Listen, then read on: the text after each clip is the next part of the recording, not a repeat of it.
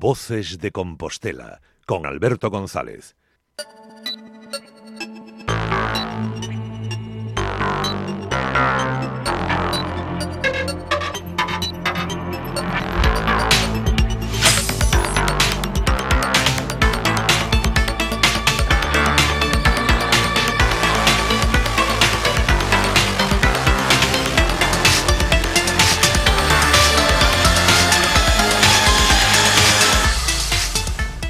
Zona Wifi con Xavier Roland.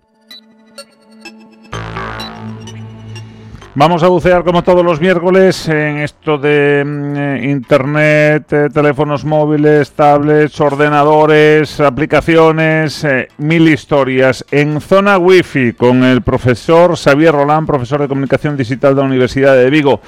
Hola Xavier, moi bo día. Hola, moi bons días, Alberto. Mm, bueno, falábamos o pasado mércores, se non recordo mal, sobre redes sociais, eh, a eh, introducción, un capítulo unha introducción, digamos, a redes sociais. E rematábamos falando, eh, para, para ir hilando un pouquiño eh, temas, do, mm, dunha publicación, non? dun artigo eh, ben vinculado, digamos, ás redes sociales. Un artigo das mellores revistas académicas, eh, mm, un artigo que se titula Lazos invisibles de la comunicación política, comunidades de partidos políticos en Twitter en unas elecciones municipales, que é eh, un estudio, non sei se decirlo así, sobre as eleccións municipais do ano 2015 e como se move, digamos, a, ra a través das redes sociais, a través do, do Twitter, unha campaña electoral, non sei se decirlo así, non? Sí, sí, efectivamente, esa, esa é a idea. Eh, bueno, falábamos de, de redes sociais, de como estábamos todos interconectados, de alguna ou outra maneira, pois todo eso tamén se podría aplicar a comunicación política non a maneira na que os partidos políticos e os políticos interactúan nas redes sociais, que son plataformas que nos permiten unha horizontalidade nunca vista. Vale, isto si, si nos lle preguntásemos aos nosos pais como farían eles para dirixirse ao presidente do goberno, por exemplo, pois nos seus tempos sería prácticamente, prácticamente imposible, non? Ou enviando unha carta, e hoxe están a golpe de tweet. Vale, outra cousa é que nos contesten pero eh, a maneira de, de poder comunicarnos e de que eles poidan escoitar o que nos queremos decir eh, se simplificou moito coas redes sociais. Non, e esas plataformas, pois da mesma maneira que están para que nós poidamos comunicarnos entre nós e con diferentes institucións e partidos políticos, tamén as utilizan os partidos políticos para crear unha especie de estructuras invisibles, porque eses lazos moitas veces non se ven, e ver como eles teñen eh, configurada a súa maneira de crear comunidades y de dirixirse. Por eso este, este artigo, que, bueno, pode ser interesante eh, para quen lle guste a comunicación política e, dende logo, eu creo que sí que é interesante para todos aqueles que teñen presencia en redes sociais, vale? Porque eh, establece ou diferencia eh, como os partidos políticos teñen eh, estructuras que son moi diferenciadas entre sí. Vale, hai estructuras que son máis eh, xerárquicas, que se dá sobre todo en partidos de reciente implantación, onde non hai candidatos, bueno, locais, que se o modo unhas eleccións municipais, non? Que as eleccións municipais se viven de maneira moi singular en cada un dos concellos de, de Galicia, prácticamente con independencia do, dos partidos políticos, a veces se vota máis o, o candidato, non? Que o sí, propio, que o partido. Que o propio. Uh -huh. partido Por eso as, os resultados son tan volátiles de uns concellos a outros en función de, do tipo de eleccións que, que estemos a falar. Non, e dicíache, os partidos máis recientes, por exemplo, o PEI de Galicia, que, que xa non existe, ou Ciudadanos, Uh -huh. eh, partidos que non teñen unha estructura municipal tan asentada como poden ser, por exemplo, Esquerda Unida, pois acaban tendo eh, un, un uso moi vertical da comunicación, non? moi xerárquico. Exacto. Polo contrario, partidos que, que están máis asentados, como poden ser o, o Partido Popular ou o Partido Socialista, o que acaban tendo unha serie de redes moito máis dispersas, pero claro, tamén é certo que son máis dispersas porque teñen candidaturas ou ben en todos os concellos, como é o caso do PP, ou en casi todos os concellos, como é o caso do, do PSOE. E despois é moi curioso, eh, as, as redes heterárquicas, que son aquelas nas que mm, a comunicación sí é realmente horizontal e onde podríamos obviar o partido ou a conta matriz porque os seus usuarios siguen falando entre eles e, e comentando a xogada, entre comillas, eh, de maneira prácticamente autónoma e independente, e o único caso que, que atopamos neste estudio aquí en Galicia, nunhas eleccións municipais, sería o caso do BNG. Ah. Outra cousa interesante do, do estudio, pois para, para destacar que, os, que parece unha tontería, pero non o é tanto. Os partidos políticos asentados fan moito uso dos medios de comunicación tradicionais e os partidos novos utilizan os novos medios de comunicación. E dices, bueno, este é normal, eh, eso sí, bueno, é normal, pero hai que hai que demostralo tamén. Non, eh, e obviamente tamén non vamos entrar na, no sesgo editorial de cada un dos medios de comunicación que estará máis en sintonía ou menos con diferentes partidos políticos, pero sí que é certo que os medios tradicionais, por exemplo, medios en papel, eh, aparecen máis nas, nas redes ou na configuración de redes de Partido Socialista e de, e de Partido Popular, e os novos medios, os novos medios virtuais ou plenamente virtuais como, como Praza Pública, como como Pontevedra Viva, por exemplo, uh -huh. aparecen na, no que se denomina comúnmente como a nova política. E digo de nova política tamén en, eh, con comiñas, porque a mí o que, me, o que me importa neste sentido é a maneira de facer comunicación. Sa. Non tanto as políticas, as políticas en sí. É, é curioso, non? Que mm, o community manager eh, que manexa as redes sociais dos, dos partidos políticos eh, non suele contestar, non, cando ti pos algo. Isto non, non, non é eh, habitual. É unha regla do community manager. O community manager é aquela persona, eh, creo que todo o mundo sabe que é, non? pero aquela persona, digamos, que manexa a rede social dun organismo, eh, tanto sea público, privado, dunha empresa, mm, digamos, dun colectivo, non? Efectivamente, un community manager é aquela persona que lle dá voz a unha personaxe pública, institución, empresa, entidade en internet.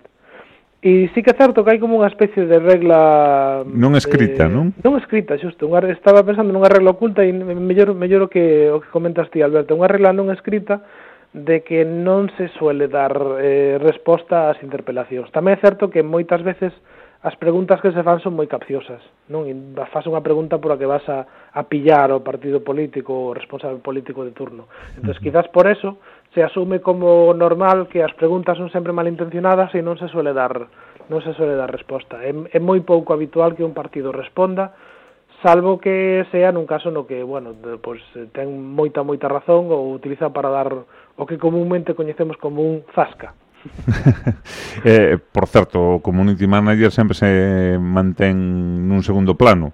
Dende o punto de vista Deber... persoal, me digo, porque moitas sí. veces querrá contestar, non? Ou querrá decir, pero sí, de, que me está poñendo, non? Eh, a profesionalidade dun community manager eh, debería destacar precisamente por eso, por saber manterse nun segundo plano. Un community manager nunca é a alma da festa en internet, é máis ben un espectador en primeira fila. Sa, sa, sa, sa. Ti tes eh, e isto digo aparte con, con, con, con coñecemento por de causa, eso te eh? digo, ti tes experiencia, non vamos a decir onde, pero ti tes experiencia teño, como community no, no. Non, vou a revelar, pero sí, teño experiencia en formacións políticas, institucións públicas, institucións privadas, así que... Eh, Sabe todo. Sí, entre nós coñecémonos, tamén é certo, eh? Sí. Que entre nós coñecémonos, sabemos quen é o community manager de tal partido, ou de tal institución, ou de tal empresa, así que é un mundo pequeniño. Sa, sa, pero sí que nos coñecemos entre nós. E por certo, para para aqueles ointes que, que estén interesados en todo este mundo do, do social media, social media, é unha profesión con, con, con futuro. Iba a decir con, con futuro, presente. No, con presente. É unha, unha profesión uh -huh. con presente.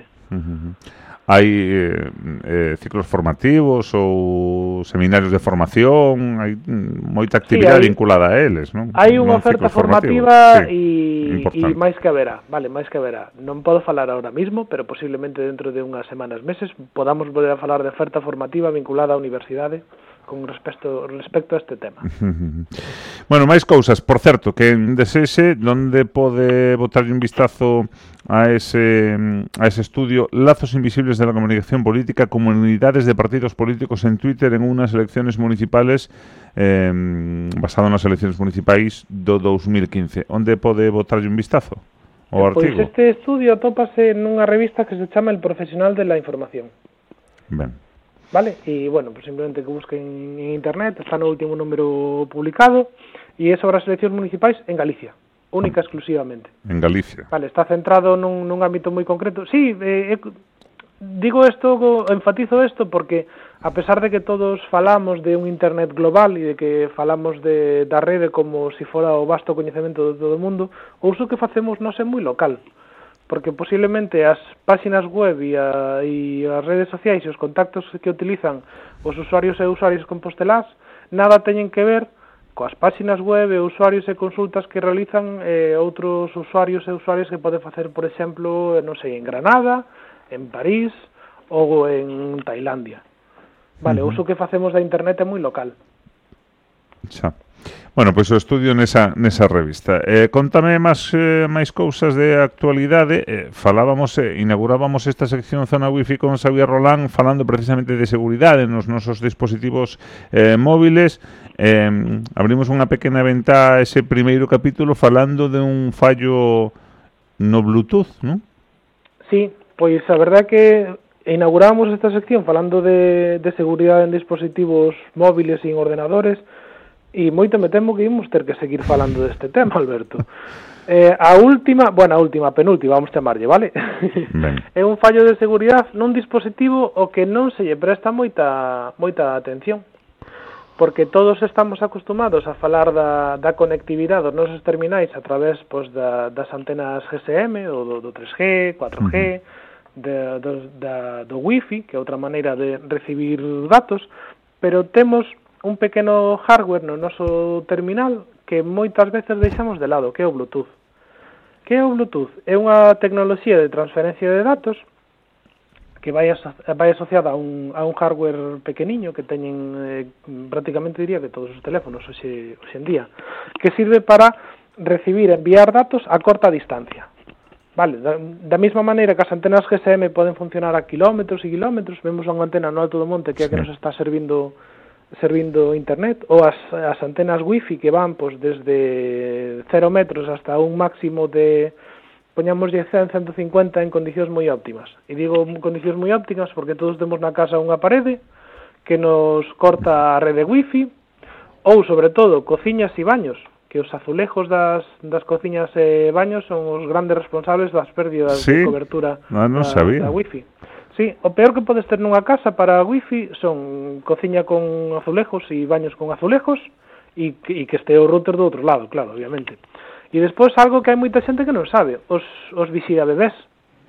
Sí. Eses aparatiños que tamén van por Bluetooth, cámara ao bebé, sí, sí, sí. Eh, audio, no, vídeo, cámara, por, sí, sí, sí. Van por wifi e por... ademais comen comen moito ancho de banda e necesitaríamos moitas veces hai xente que cando utiliza o vixía bebés non pode ter acceso a internet Pois precisamente por eso, porque está no mesmo canal de wifi e está eh, facendo interferencias coa, coa sinal.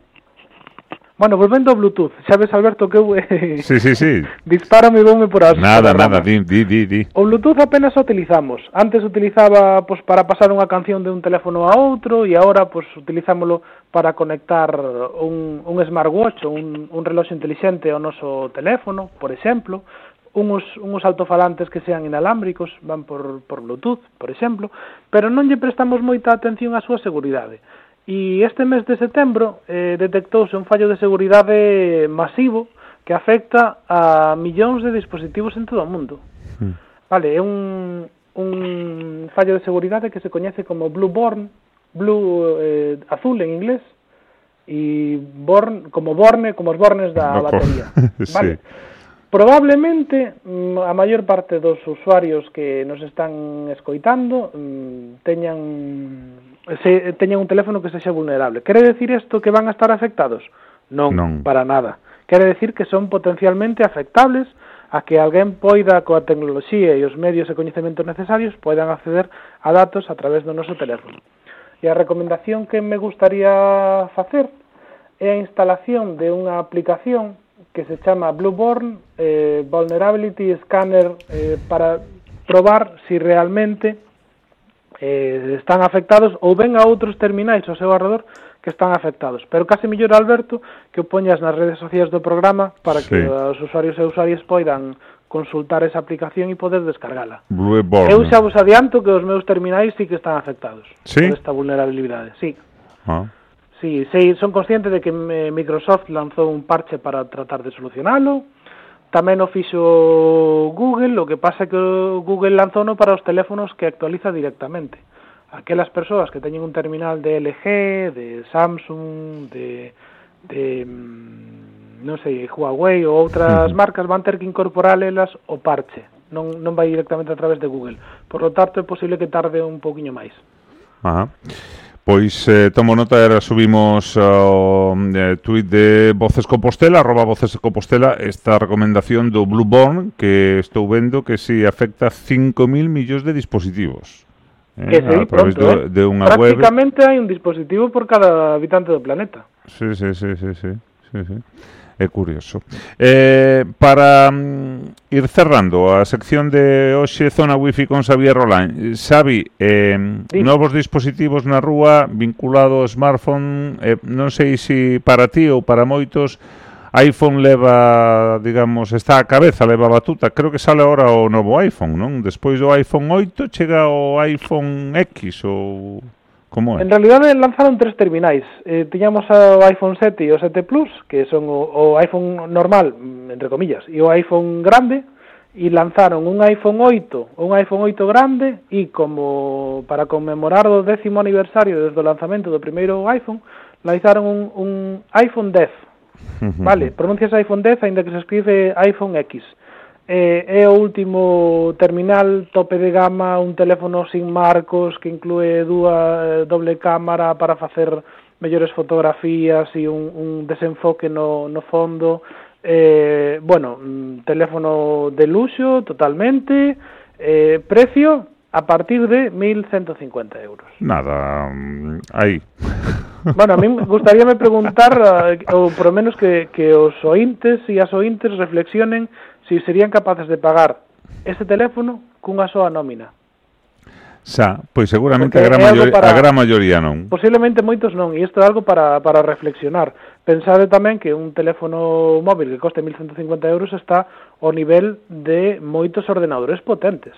Xa. O sea, tamén é certo que o que se pode facer hoxe en día con un teléfono móvil é moitísimo máis do que podíamos facer hasta aí pouco con algúns eh, equipos informáticos como xa non de escritorio, sino portátiles pero bueno, Apple sabe perfectamente que crea productos eh, de luxo, que son productos que funcionan e a, a recepción que está tendo no mercado así o indica, que son ter, cuando lanzan un produto son ter varias semanas de lista de espera porque non son capaces de que as liñas de produción saquen terminais para o seu ritmo de ventas. Sí. Eh, sempre estamos os que logo vamos por detrás comprando as, eh, os aparellos an anteriores. Eh? Sí, de feito, é un bom momento, por exemplo, para comprar as xeracións anteriores de, de, de iPhone. O iPhone 6, que é un teléfono que ahora mismo ten tres anos, pois se pode atopar en algúns, en algúns centros comerciais a partir de, de entre 300 e 350 euros. E o iPhone SE é a versión máis pequeniña do iPhone. Mm, Recolle o diseño do, do iPhone 5, pero por dentro ten o, motor e as, e as características dun, dun iPhone 6S, é dicir, é como se fora un teléfono con dous anos de antigüidade e anda alrededor dos 300 euros. Yeah. Digo porque, bueno, unha maneira de poder acceder ao mercado de aos produtos de Apple sin ter que, bueno, pois eh, donar un riñón ou outro tipo de órganos para poder pagar o que costaría un iPhone 10. Ti tes iPhone? Eu teño iPhone, eu teño iPhone e teño Android. Utilizo as, a, dúas, as dúas as dúas plataformas. Eh, eh, pero tamén recoñezo abertamente que son máis pro iPhone que pro Android. Xa, xa, pero por a, xa, xa. porque por a miña configuración dos dos equipos, eu utilizo Mac, utilizo o iPhone porque se falan moi ben entre eles e o feito de poder aforrar tempo a hora de facer certas tarefas para min tamén supón un aforro de costes. Yeah, sa, sa, sa, Con esto non quero invitar a ningún ointe a que, va, pues, vou, quero probar o iPhone, proben si, si, si queren, prácticamente as funcións eh, son as mesmas entre case calquera plataforma, porque todos os teléfonos permiten facer fotografías, instalar eh, WhatsApp e as aplicacións básicas. Cambia lixeiramente a experiencia de uso e despois, bueno, o que che guste a ti un terminal ou outro. Sí, sí. Eu teño Android. Estou contento. Todo coma, pues, Alberto, eh, pásache como 90 aproximadamente, como 92% da población que ten teléfono móvil en España. Xa. Xa. É así. Sabe, estamos chegando ao final da sección deste mércores de Zona Wi-Fi. Algo máis que apuntar? Pois así de entrada, non, volvo, non. Re, creo que estaría ben recordarlles aos ointes que se teñen algunha dúbida, algunha cuestión que queiran tratar sobre tecnoloxía, internet, redes sociais, pois que nos las fagan chegar ao programa. Sí, a través de arroba voces compostela no tweet, a través de alberto.gonzález arroba radiovoz.es, voces de compostela arroba radiovoz.es, ahí pues los correos electrónicos para dejar en este caso, bueno, pues cualquier actividad y cualquier incidencia. Y recordamos los de comprobar la vulnerabilidad del Bluetooth a través de la aplicación que era Blueborn. Blueborn. Vale, pues tomo nota y ahora lo ponemos ya en un, en un tuit. Profesor, eh, un placer, como sempre. O prazer é meu, Alberto, xa A, sabes. ata o próximo mércoles, un abrazo. Ata logo. Xavier Rolán, profesor na Universidade de Vigo, profesor de Comunicación Digital na Universidade de Vigo, ca zona wifi aquí en Voces de Compostela. Zona Wi-Fi con Xavier Roland.